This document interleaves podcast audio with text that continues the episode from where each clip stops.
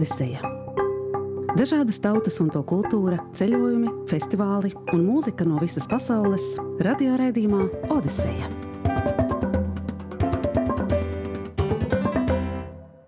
Esiet sveicināti! Septembra vidū, brīnišķīgā atvasarā, ar jaunu elpu savu ceļojumu uzsāk Radio Odiseja. Studijā Gita Lancere un varu ar prieku paziņot, ka man ir sakrājies prāvs disku kalns.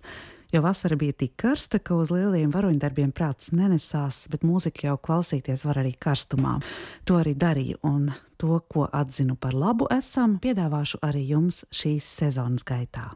Piemēram, austriešu duetu Ramiņš and Roses, tulkojumā grabažas un rozes, ar kuras skaņdarbu Memento Mori mēs sāksim šo odiseju, bet pēc tam mums studijā jau būs viesņa.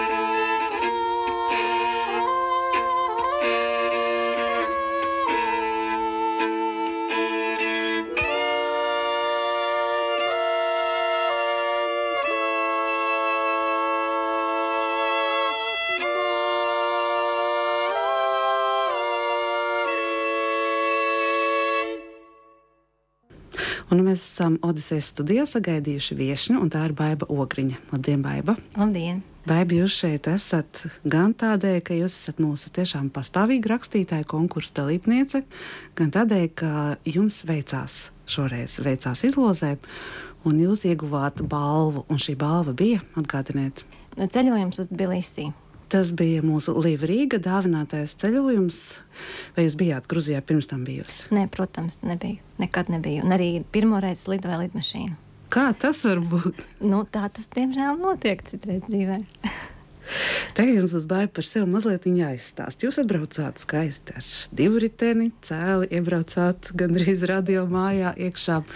Ļoti bieži mums pareizi atbildēt uz mūsu konkursu jautājumiem. Pastāstiet, kas ir baiva okriņa? Uz tādu jautājumu es tiešām nebiju gatavojusies. Uh, nu, mm, Ko jūs darāt? Pašlaik es strādāju ļoti jaukā uzņēmumā, Blikēm. Šajā sakarā es gribētu noteikti uzslavēt savus brīnišķīgos direktorus, Natāliju un Aleksandru, kas ir ļoti, ļoti jauki mani atbalstījuši. Un arī tad, kad es vinēju šo ceļojumu, mums bija veseli svētki. Tad, kad es vinēju, un tad, kad es atbraucu.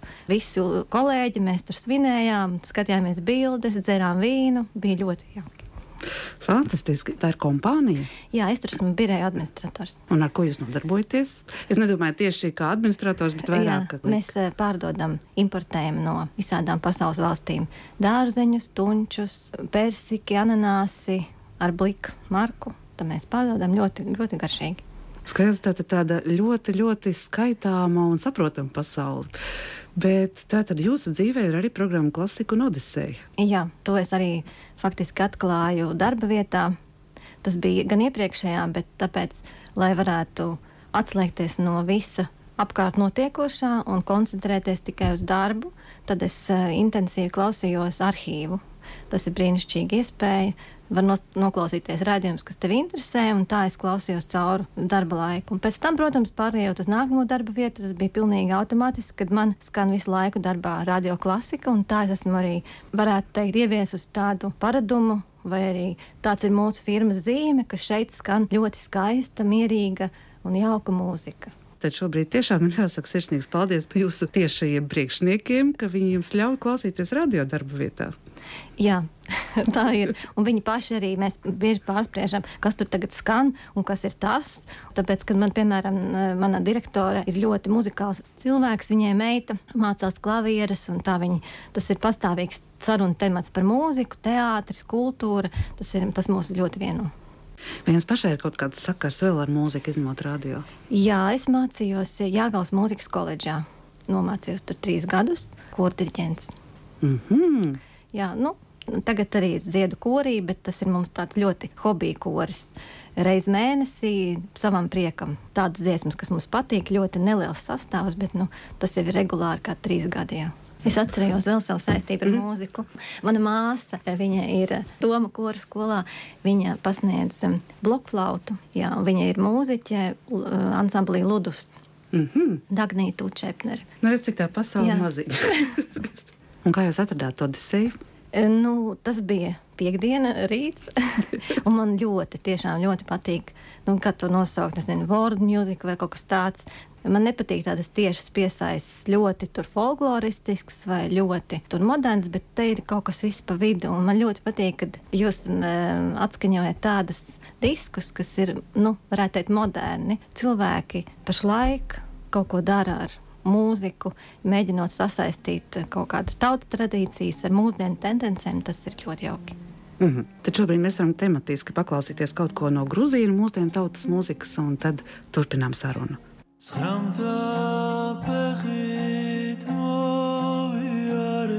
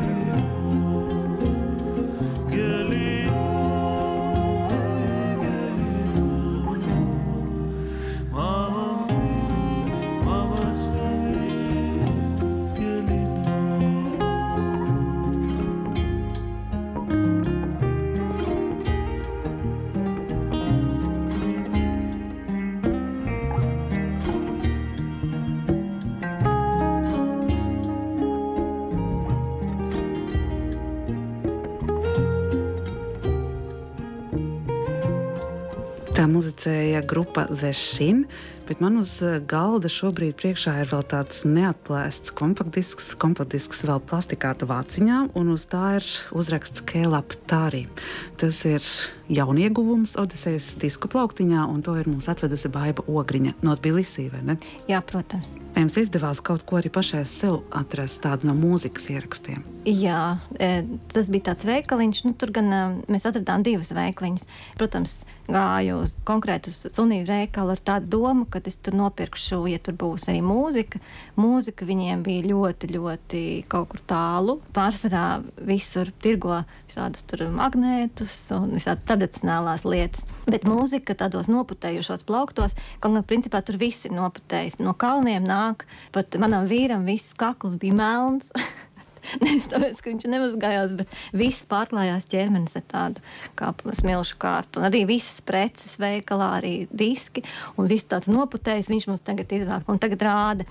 Un viņiem, kas bija interesanti gan vienā, gan otrā veikalā, tur bija tāds, ka eh, viņš uzreiz rāda to vienu disku, kas viņam tas būtu tas īstais. Ja es pareizi atceros, kaut kāds Hamlets, viņam bija vārds, to es noteikti atceros. Ļoti, ļoti slavens, vislabākā balss, eh, nesen ir miris, traģiski viņš eh, gāja pie savas mammas, palīdzēt vākt ābolus, un tad nokrita no ābeles. Ņemiet šo, labi, ka bija iespēja paklausīties. Nu, viņš arī tā piedāvāja, bet nu, tas nebija galīgi ne uz Odisejas.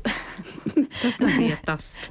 Bet otrs veikaliņš, tas bija tāds jauks. Tur bija pašā centrā Rustavelija avēnija. Nu, kā piemēram, mums būtu Rīgā brīvības ielā, nu, labi, skaisti veikali. Bet tas veikals bija nu, pilnīgi tāds, nu, ne, tā kā būtu sarkandāgavā kaut kur.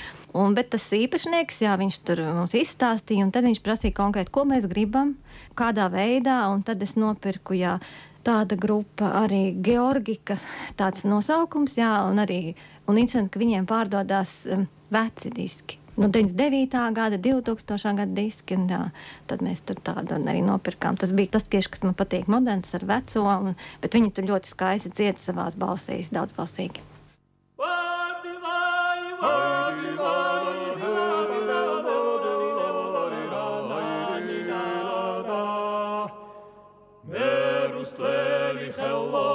tadavikam sakames samadari adilo adilo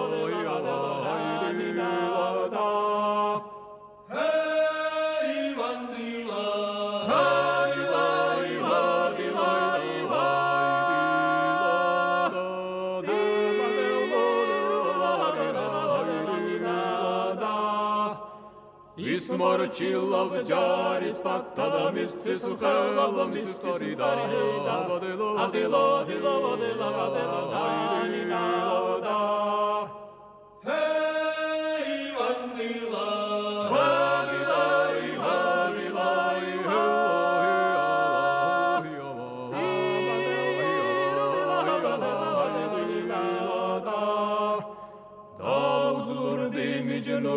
tis clatza Maria arsitari de la gavo de lo la de la Hey Ivan Lila Na ni na inan ni na de la na ni na na ni na De lo de la de la de mon messa gamu kuru ne bada hando mitza messa mari de la bodilo bodilo bodilo bodilo bodilo bodilo bodilo bodilo bodilo bodilo bodilo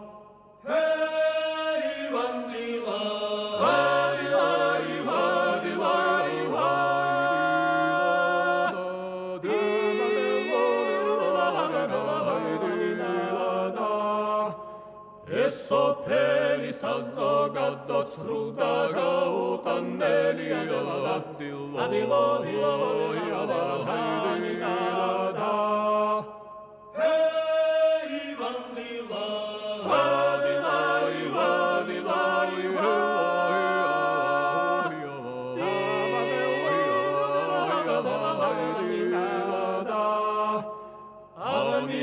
Nishner tivin medak malcho pili rombeli adilo adilo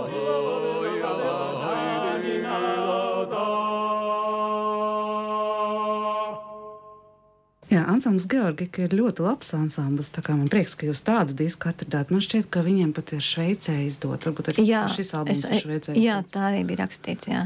Bet jā. kaut kā ļoti viss tas nav. Neizskatījās vispār, ka tas ir oriģināls, bet, nu, cena bija no, kā oriģināla. Varbūt viņš vairs nav oriģināls. Tātad jūs braucāt uz Grūziju divatā. Jā, Līvrīga mums uzdāvināja trīs naktis viesnīcā diviem cilvēkiem un di divas biļetes turpat pakaļ lidmašīnu. Tas bija ļoti brīnišķīgi un dāsni. Paldies! Vai var paspēt kaut ko no Grūzijas sajust šajā īsajā laikā? Jā, pirmkārt, mēs sajūtām noteikti, iebraucot trijos naktī eh, Bilisī lidostā, karstumu. Tas bija pirmais, jo it kā likās, nu, 25 grādi, bet jutās jau tā, oh, jau diezgan. Un kad nākamajā dienā e, bija 38 grādi ēnā. Apmēram ap tādu visu laiku mums tas viss e, virzījās. Viesnīcā bija kondicionieris, tā mēs at, atjēdzāmies. Bet, um, principā, arī priekš viņiem tas bija ļoti silti. Viņiem ir daudz parki, un tad pilns bija cilvēkiem. Viņi sēdēja tur, kur bija tie lielie koki zem uz soliņiem, ēnā, citi gulēja. Daž, dažādi atpūtās, jā, tāda viņiem, viņiem arī bija pagrūta. Tad jūs tagad zināt, kāda ir Grūzija vasarā. Vai? Jā, nu, tāpēc es domāju, kāpēc man vajadzēja izvēlēties augustu.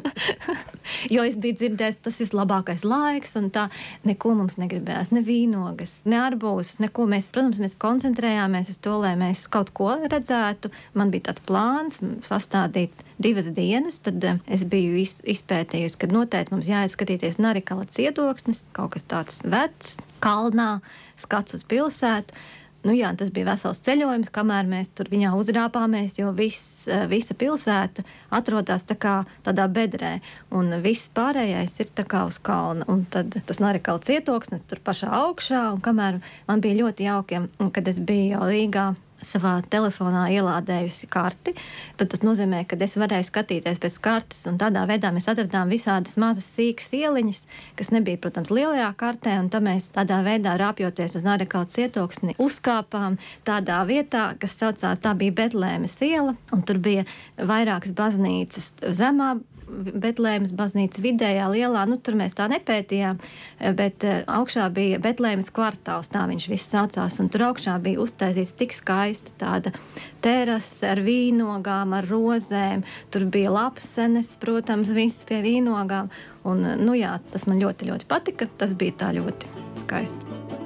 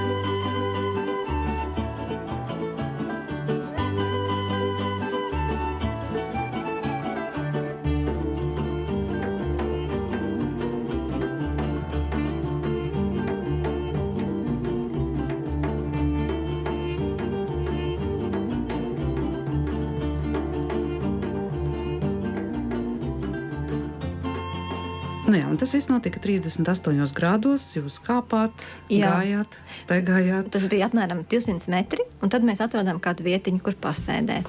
Un tad eh, mēs atradām diezgan ātri limonādes, atklājām, jo, protams, ēst neko negribās, bet tad ir tā, ka eh, kaut kas salds, un tur ir tāda ļoti jauka limonāde. Zeda Zanijas jau atradu internetā, ka viņi Igaunijā pārdod, bet šeit Latvijā nē.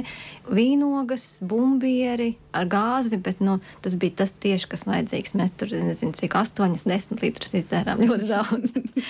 Tad skaidrs, ka laikam par grūzīnu virtuvi es īpaši neko nejautāšu. Nē, kaut ko mēs ēdām gan. Vajadzēja arī izdzīvot arī tādā veidā. Un uh, bija tā, ka uh, kāpjot lejā no Narekāla cietokšņa, mēs nonācām, nu, viss bija diezgan nejauši tur. Uh, patiesībā bēgot sākumā no vienas tantes. Tur ir tāda situācija, ka pietiekami daudz ubago cilvēki, un viņi ubago diezgan nu, tā uz, nu, pietiekami uzmācīgi. Bet, kad es prasīju vēlāk mūsu šoferītam taksometru, vai tas tā normāli, vai tiešām viņiem nav ko ēst, nē, viņiem vienkārši gribās kaut ko papildus. Nu, pilnīgi normāli e, tāda dzīve. Un, jā, un tur, protams, pie baznīcas tāda tante bija melnā tērpusies, kura gribēja par katru cenu mums pārdot savas atklātnītes un par tiešām dārgu naudu. Un tad, kad es viņai rādīju, nu, kad es varētu viņai labi iedošu tur tos uh, monētās, etaņi jengi Viņai vajadzēja tikai banknotes. Nu, jā. Tad mēs bēgot no tās tantes, nonācām lejā. Vispirms dabūjām poļu grupu, mūsu ielēns, un kopā ar viņiem mēs iekļuvām mošajā. Jo tiešām tas bija pirmo reizi, man gribēja apstīties, kā tur ir. Tur cilvēki lūdzās, bet uh, poļiem nebija nekāda respekta. Viņi tur gāja iekšā, visu fotografēja, viss tur notika labi. Pēc tam mēs nonācām, un tur lejā bija tā sēra ūdeņa pirtis. Un pie sēravota pirtīm bija tāds restorāns. Tas bija pirmais, kas tur bija, kurā mēs ieklupām. Tur bija vēss, bija ļoti jauki. Un kā pēc tam es apskatījos internetā, tur arī ir izrādās pusdienojis Džordžs Bušs. Jā, tā kā mums bija labs, labs restorāns, jā, mums iedeva tādu ēdienu ostri, kā man mamma stāstīja, tas ir kaut kas līdzīgs um, saļānakai, sarkans ar vērša gaļu, pietiekami ass kopā ar maizi. Tāds, jā, grozīna ēdiens, jā. Vēl par vienu ēdienu pastāstīt. Jā, jā, protams. jā tas, tas nākamajā dienā ir tāds, nu jā, es esmu ļoti elektroniska meita.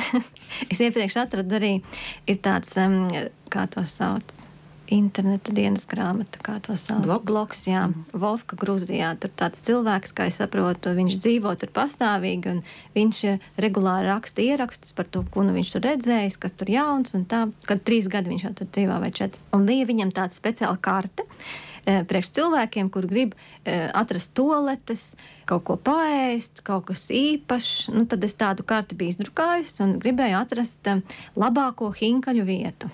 Tas bija sarežģīti beidzot mēs nokļuvām it kā tā bija reāla turistu vieta. Tur pie, uz katras stūra bija vīni, degustācijas, tās čurčelas karājās, kur ēst likās, ka nu, visas vietas ir tādas, nu, tur, kur tu pēc tam noteikti ne, neizies ārā.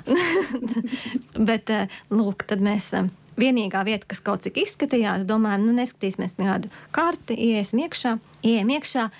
Es atveru to menu, un izrādās, ka tā ir tā mhm. īstā hinkaļa vieta. Un atnāk tas oficiants, un nu, kā mums jau nav priekšā, cik tie hinkaļi lieli. Viņus pārdod uz gabalos ar dažādiem tiem pildījumiem. Nu, tad, jā, Nu, man, tie, kas nezina, par ko mēs runājam, tie jā. ir tādi lieli pelmeļi, teiksim, jā. tikai nu, mazliet citādāk veidoti. Jā, tā kā roka. Jā, tā kā plaukstu var uzlikt. Jā. Nu, jā, un mans vīrs drusiņi pārvērtēja savus spēkus, un pēc tam grūti viņam bija nākamajā dienā. viņš pasūtīja tādas septiņas.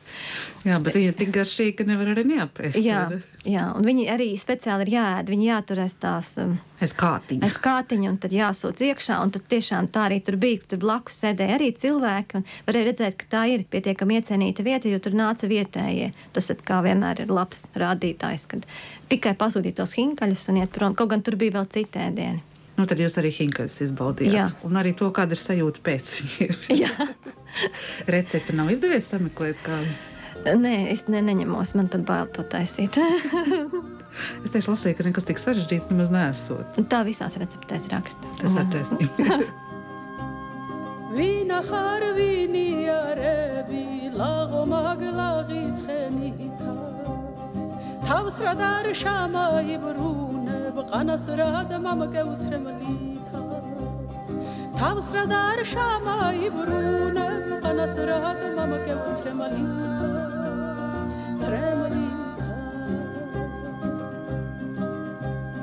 ან ვერცხლის ფულად მაგცია ჯიბეში ჩაგეყრებოდე ან შენი ნამგლის ყანა მქნა რობხაზე შაგეჯრებო ანამქნა ვარდიყო ილი რობირზე დაგეყრებოდა.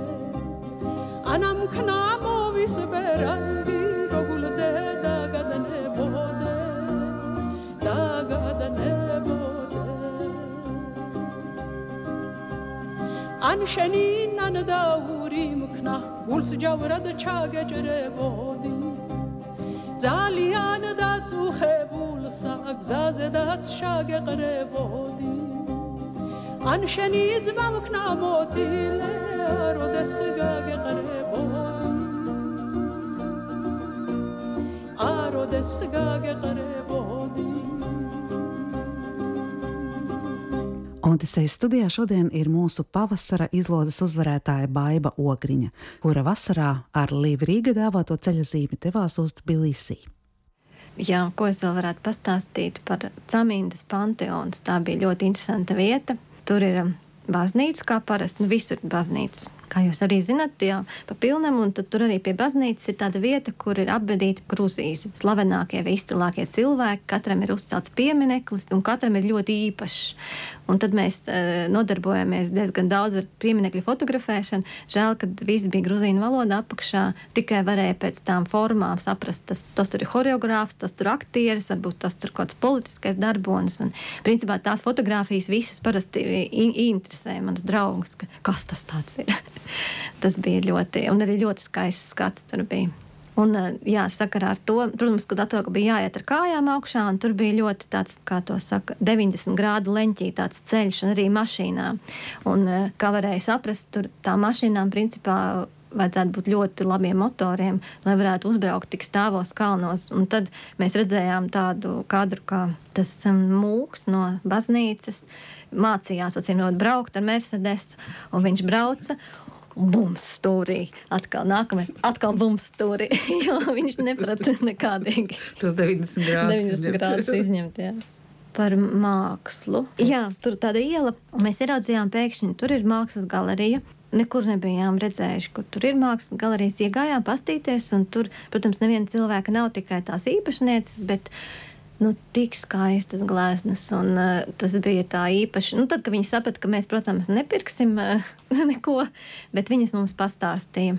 Pastāstīja par tiem gleznotājiem, kādi viņi ir. Piemēram, viņi mums parādīja, tāpat tur zemes stāvēja uh, 1912. gadā.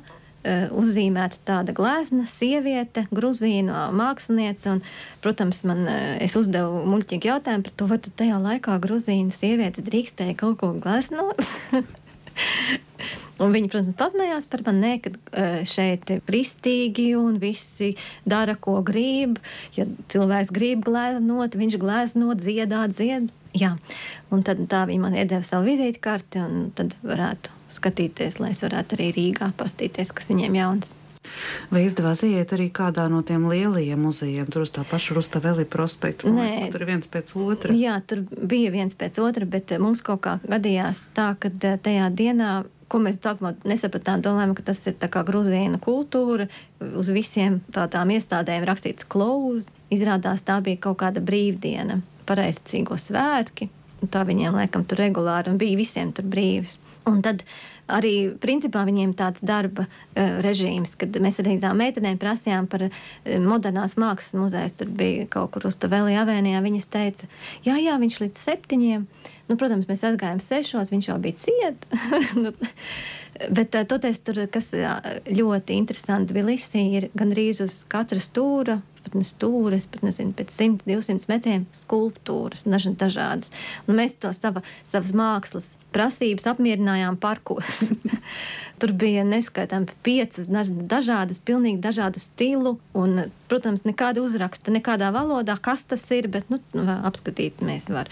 Un tur uz Rustavelī avēnijas bija tādas mazas vīriešu figūriņas ik pēc pieciem metriem. Kas tas bija, arī nebija skaidrs, bet, nu, izskatījās ļoti skaisti. Jā, bija varbūt kāda mākslas akcija. Jā, varbūt. Jā. Mēs braucam naktī, un es ieraugu to kindzā skulptūru. Nu, es saprotu, ka tas ir kindzā, tur ir tie aktieri. Es prasu šoferim, vai tiešām, vai nu, kas tas ir. Viņš vispār nezina, kas tas ir. Viņš pat ne, neinteresējās, kas tur viņiem ir salikts, kas tur notiek. ah, jā, kas viņiem tas, tas skaistais tilts, Eiropas tilts, otrais modernākais pasaulē, itāļu arhitektu veidots. Tas tiešām ir kaut kas īpašs. Mēs sākumā baidījāmies tur iet, jo konstrukcija no stikla, un tāpēc mēs domājam, varbūt tur apakšā ir siltumnīcas efekts. Bet nē, tā nebija. Tur viņš ir tik jauki izveidots, un viņš kā ved uz parku. Tas arī būtu jauki un skaisti, ja nebūtu parks pirmkārt tik jauns, visi koki ir maziņi, ēnas nav, Un visi cilvēki, kas tur mēģināja iet, nu, viņi aizgāja atpakaļ uz ēnas pusi, bet vienīgā ēna, kur mēs atradām, un kamēr atpūtāmies, bija zem milzīgām klavierēm. Tad mēs tur sēdējām. jo tur viss tāds, es zinu, ka man draudzene teica, ka aizēj, aizēj, tur vasēst parkā, tur ir lielas šaha figūras, cilvēku augumā. Tik forši. Un tur arī tajā parkā, ko es arī gribēju redzēt, bet nu, ne, nevajad, nevarējām aiziet. Moderni, tādi kā cauruļu veida mūzikas, jauna mūzikas koncerta zāle vai divas zāles, vai viena, bet tādas divas caurules tādas. Nu, izskatījās iespaidīgi. Jā. Tā kā arhitektūra man arī iespaidoja, ka tur tās modernā arhitektūra tiešām daudz skaistāka nekā šeit Rīgā.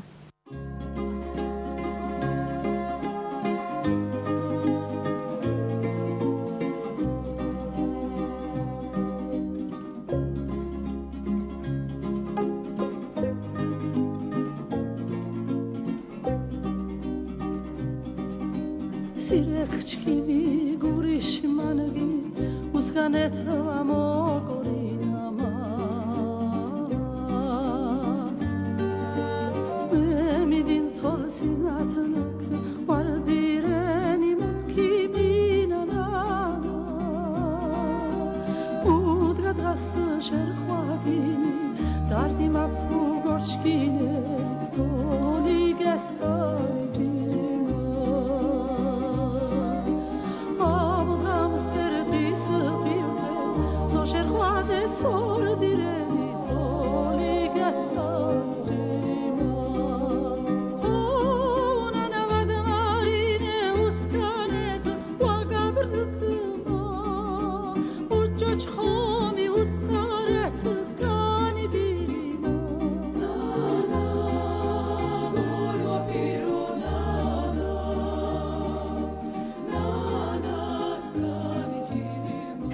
dzīvniekiem. Tas bija arī iebraucot lidostā. Pirmais, ko mēs ieraudzījām, stāvot pie takšiem, suns. Kamēr mēs runājam, tas ir suns. Viņš bija ļoti tievs. Es viņu nofotografēju, bet nu, viņš nu, tāds ne, nepārāk labi izdevās. Bet nu, tādi visi dzīvnieki tur ir. Tādi ko mēs redzējām, kaķi, dievi, vai nu viņi vienkārši, acīm redzot, vai nu netiek baroti, vai nē. Tāds veidols. Un vienīgo normālā izskata sunu mēs redzējām pie vēstniecības, kur no Itālijas vēstniecības izgāja darbinieks ar savu suni. Un tas izskatījās, un tas bija barots. Tas bija kā latviešu suns. Jā. Un pie valsts iestādēm tur ir policija. Policija vispār ir diezgan daudz, un tas arī, es arī to iepriekš lasīju, ka tas ir ļoti jauks tāds, nu, kā to var nosaukt. Jā, visam policija ir ļoti, ļoti organizēta, viss ir uh, pietiekami daudz viņu ir, ka mēs braucām cauri pilsētai ar taksi, varēja redzēt arī mo modernās ēkas. Tās daudzas bija valsts iestādes vai policijas ēkas, un viņi rūpējās par drošību. Arī, kā mēs arī nopratām, nu, varbūt tas nav tik eh, lojāli pret Latvijas policiju, bet eh, pie viņiem tāda sajūta, ka viņi ir pret tevi labvēlīgi lūdzu, ej pie viņa klāt. Pie latviešu policista tāds sajūta, ka viņš noteikti tev pieksīs. tu būsi kaut ko ne tā izdarījis. nu, jā, tas bija par policistiem. Vai pamēģinājāt kādu no tiem slavenajiem grūzīnu vīniem? Nē, jo man bija bail par to, kas, ko tas varētu risināt sakarā ar sirdi un vispār. Par to karstumu. Jā, nu tad, tad eh, es atvedu līdzi, un tad ar to arī pietiks. Tad jo, es izmēģināju to limonādu, ko savukārt es nezinu vispār, kas tas jā, ir. Nu jā, un tādā ziņā es arī es gribēju arī nu, drusciņu tos priekšstats par to, nu, kas ir Grūzija. Visi dzied, dzer vīnu. Nē, Nē var arī savādāk tur dzīvot. Ah, kas vēl ir interesants par, par to, kā, kā notiek satiksme, tas tiešām ir tā kā ir parasti par grūzīniem stāst. Notiek nemitīga pīpināšana, Un nevis tāpēc, ka kāds iet pāri vai kaut kas noticis, bet tas tā normāla ikdienas parādība, kamēr mēs pie tā pieradām. Arī iela ir jāšķērso, kur tu gribi, un arī tevi mierīgi respektē cilvēki. Ir apakšzemes pārējais ceļš Rustavēlī avēnijas, bet um, ne visi tās izmanto, un arī tur notiek viss kaut kas tajās. Tur pārdod uh, joprojām pa vienai cigaretei. Saules puķu sēkliņas, nu, tas, protams, arī šeit, bet uh, visām kaut kāda tirdzniecība notiek. Un tad bija interesanti, ja to es visiem stāstu, kā Radisona viesnīca pašā centrā, ļoti smalka, bagāta cilvēka, un turpat ir kaut kāda apakšanas pārēja. Uzrakstīts video novērošana, mēs ejam lejā, tumšs, stikli, kaut kur tālu zemu. Ejam, ejam, skatāmies, sēž trīs puiši tālumā. neko nedara. Tas arī ir normāli, ka neko nedara. Un mētā tās krellītes vai kaut kas tāds zelta, tāds, nu, tāds klasisks uh, variants, kad lūdzu, tur uz turieni neiet. Mēs arī ātri gājām prom, bet patiesībā viņi nebija bīstami. Vienkārši tas viss kopā izskatījās galīgi ne. Kā... Pēc šausmas mazliet. Jā, drusciņā. Bet īstenībā jau tur ir ļoti droša sajūta. Jā, tas, tas tiešām tā arī ir. Pilnīgi mierīgi. Kaut gan e, naktī tas bija, jā, tāpēc, ka varbūt mēs arī cēlāmies tur diezgan agri. E, bija piekdiena, varbūt kaut kāds prieks, svētki un kāds šāva. Jā, nu, tāpēc, ka varēja redzēt tumsā tās trasējošo tādu. Bet tas bija tā, nu, laikam, nu, varbūt prieks. Es nezinu, Bet nu, tādu principā varēja kaut kur trāpīt. Bet, nu, tas bija tāds šoks, drusciņ, kad ir, ir reāli kaut kur šauji. Jā, man arī teica viens jā, vīrietis, pavacāks, kurš ir tur dienējis. Viņš teica, ka grūzīni ir ļoti mierīgi, izņemot tad, kad viņiem ir jākaro. Tad viņi pilnībā mainās. Tad viņi ir ātri. Kaut kā nenāk to redzēt nekad. Ne? Nē, nē, tas tā nebūs. Vai vēl kāds no stereotipiem izdevās apstiprināt vai apgāzt? Par sievietēm, nezinu arī es biju tā sadomājusies par to, ka sievietes tur ir tādas valdonīgas un tādas ne, nebūtu ne, ļoti skaistas, vispār ļoti skaisti cilvēki. Man gan vīrs teica, ka tas tāpēc, ka tu vienkārši redzi atšķirību no Baltijas. Kaut gan viņi nav šausmīgi melni, bet ļoti tie sejas panti ir tādi skaisti. Un sievietes ir mazā auguma, tādas smalkas, reti, kura ir ar lieko svāru. Viņām ir vai nu sarkani mati, vai melni. Un, un tas tā ļoti arī vīrieši ir atbilstoši.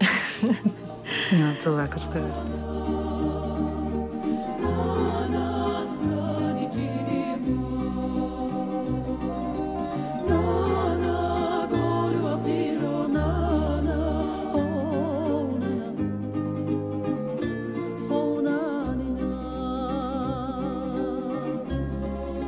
Odisejas viesne šodien ir Baiva Ogriņa, viena no ļoti regulārām mūsu konkursa dalībniecēm, pie kam viņas atbildes praktiski vienmēr ir pareizas.